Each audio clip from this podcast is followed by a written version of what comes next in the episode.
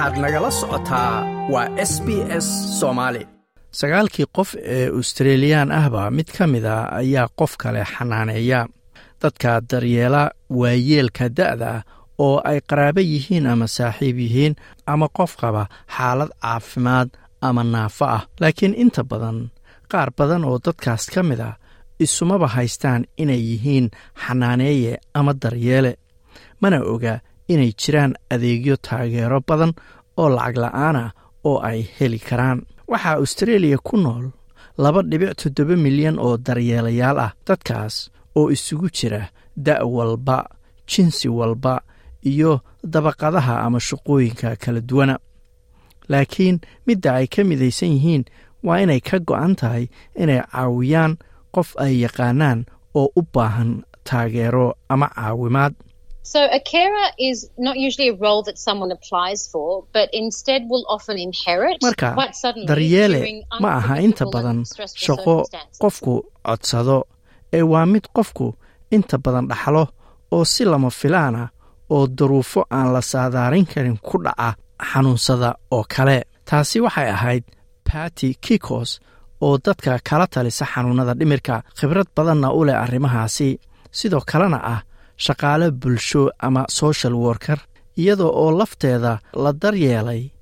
Miss kikos ayaa sidoo kale sii daysa ama daabacda bodkast oo ah barnaamij coda oo la duubo kadibna internetka laga dhagaysto oo loo bixiyey carer conversations podcast oo ay soo saaro ka tahay hay'adda benevolent society and carer gateway oo ah hay'ad ay dowladda federaalku maalgeliso oo lagu taageero dadka daryeelayaasha ah. Inkasta oo dadka qaarkood si lama filaana u noqdaan daryeele kadib markii qof ay jecel yihiin ama qoyskooda ka mida uu ama shil galo ama xanuunsado qaarkood wayba ku dhashaan hawsha daryeelnimada qaar kalena tartiib tartiib ayay u noqdaan daryeelayaal Carers are people who provide unpaid care and support to someone who needs help with their day-to-day living, who have a disability. daryeelayaashu waa dad xanaano lacag la'aan ah iyo taageero siiya qof noloshiisa maalinlaha ah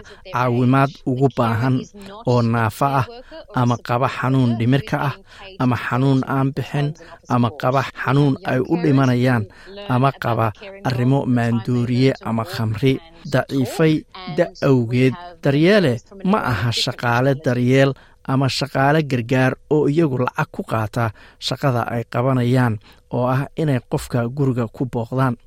Waxaa jira daryeelayaal dhallinyaro ah oo daryeelka bartay laga soo bilaabo markii ay socod baranayeenba. Waxaana jira daryeelayaal ka kala yimid waddamo kala duwan. Waajibaadka ama mas'uuliyadda daryeelaha waxaa ka mid ah xanaano jireed ama qofka inuu jir ahaan u caawiyo mid maskaxeed iyo gargaar bulsho. Waajibaadka caadiga ah waxaa kaloo ka mid ah in qofka dharka loo xiro in loo qubeeyo in musqusha la geeyo in cunto la siiyo in daawooyin la siiyo. Daryeelayaashu waxay u sameeyaan sidoo kale ballamaha wuxuuna ka caawiyaa arrimaha bangiga ama dhaqaalaha iyo haddii xaalad deg dega ay timaado nidaamka caafimaad iyo gargaarka bulsho ee austareeliya ma maarayn lahayn haddii aysan jirin doorka ay qaataan daryeelayaasha aan lacagta ku shaqaynin. Marka dowladdu way garowsatay muhiimadda ay leedahay in la taageero dadkaasi xanaaneeyayaasha ama daryeelayaasha ah. Safarka daryeelku waa mid inta badan wakhti dheer ah.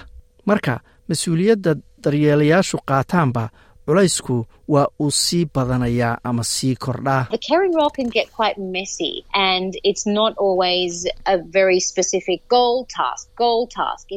Shaqada daryeelku waxay noqon kartaa mid dhib badan.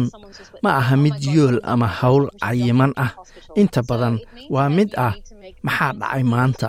qofkii sariirtii ayuu qooyey qof baa xanuunsaday. Ma waxaan geeyaa dhakhtar mise cisbitaalka marka waa inaad mar walba beddesho jadwalkaaga. Inaad si joogto ah isugu qaybiso daruufaha aan la saadaalin karin oo nolosha daryeelaha hadba badbeddesha sidoo kalena qaabka qoyskana beddeli karta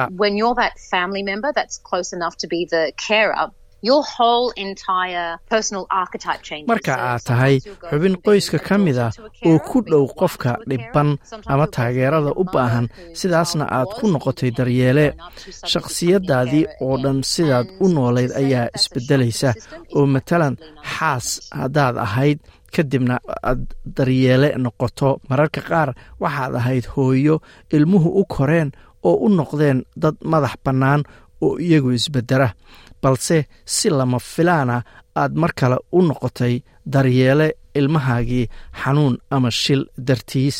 Daryeelayaal badan ayaan xataa garowsan inay laftigoodu daryeele yihiin. Marka waxay dafiraan caqabadaha ka imaan kara daryeelka waxaa dhici karta inaysan la socon adeegyada jira oo ka caawinaya sida ay u maarayn lahaayeen cadaadis maskaxeed dhibaatada dhaqaale iyo go'doomidda bulsho iyo weliba culayska shaqadani leedahay. Qaarkood waxaa dhici karta inay xaq u leeyihiin gunnooyin labadii toddobaadba la bixiyo iyo gargaar kale oo ay bixiyaan hay'adaha services australia centerlink my h care iyo n d i s gunnooyinkan ayaa u dhigma lacagaha la siiyo dadka howlgabka ah laakiin waxay ku xiran tahay duruufaha qofku markaasi uu ku sugan yahay. Maadaama taageeradan lagu cabiro ama lagu qiimeeyo hadba dakhliga qofka soo gala. Hantida uu haysto qofka daryeelka loo fidinayo iyo kan daryeelaha ah. Hase yeeshee waxaa sidoo kale jira adeegyo ay heli karaan daryeelayaasha oo aan ku xirnayn dakhliga ama hantida qofka. Waxaa adeegyadaasi aad ka heli kartaa hay'adda carer gateway.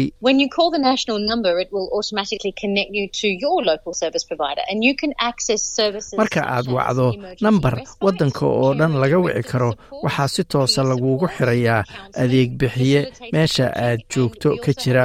waxaad heli kartaa adeegyo badan oo noocyo kala duwana. waxaa sidoo kale jira aqoon kororsi online ah oo kaa caawin kara shaqadaada daryeelka.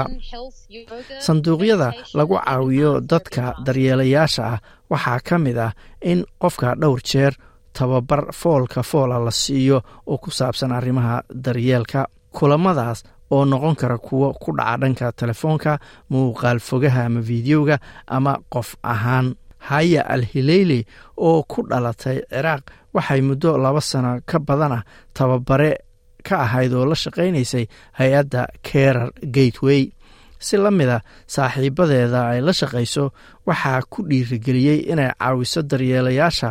Waa waxa iyada laftigeeda soo maray oo kayskeedu waxa uu ahaa in la daryeeli jiray laftigeeda mar ay shil culus gashay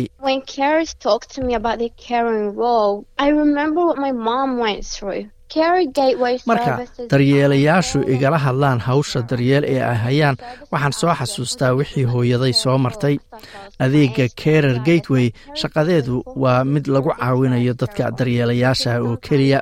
Waxaa jira adeegyo badan oo ay heli karaan dadka ay xanaanaynayaan sida my h care iyo n d i s.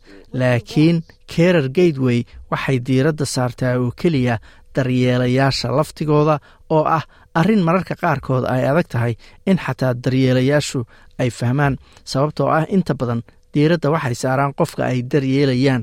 Marka way ku cusub tahay markii intuu qof u yimaado uu ku yidhaahdo maxaa adiga laftigaaga muhiim ku ah daryeelo ahaan ama maxaad adigu rabtaa? Sanduuqa carer gateway waxaa kaloo ku jira gargaar la taaban karo sida in daryeeluhu fasax deg dega qaato gargaarka gaadiidka iyo weliba naafada. Fikradda ka dambaysa waa in laga caawiyo qofka daryeelaha inuu ka hortago inuu ka daalo shaqadan oo daal badan markaasi uu galo oo la siiyo nasasho. Dadka daryeela qaraabo waayeel ah waxay macluumaad fara badan ka heli karaan australian carers guide oo ah joornaal saddex biloodla ah oo loogu talagalay daryeelayaasha aan lacagta qaadan ee lacag la'aanta ku shaqeeya. Paul kuuri ayaa sheegay inuu bilaabay joornaalkan kadib markuu isaga laftigiisu dareebay inuu lunsan yahay oo markaasi uusan macluumaad badan iyo ciduu la xiriira haysan markii uu daryeelayay waalidkiisa oo da ahaa waxaad gelaysaa adduun dhan adoon haysan ama ogeyn waddada aad marayso. Joornaalkan ayaan soo saarnay sababtoo ah daryeelayaashu ilaa wakhtigaas waxay dareemayeen inaan balla arag oo aan loo mahad celin oo la dayacay. Beti kikos ayaa ku raacday iyadoo sheegtay inaad qof la hadasho ay muhiim u tahay fayoobida daryeelaha. Haddii daryeelayaashu aysan haysan bulsho taageerta oo iyagu khibrad u leh waxa ay daryeelayaasha ama xanaaneeyayaashu la tacaalayaan way adag tahay markaas. waa inaad isku wareejiso dad khibraddaada oo kale leh. haddii kale qofku ma helayo khibrad iyo aqoonta uu ka faa'iidaysan karo ma doonaysaa sheekooyinkan oo kale? Ka dhegayso apple podcast google podcast spotify ama meel kasta oo aad bodkastigaaga ka hesho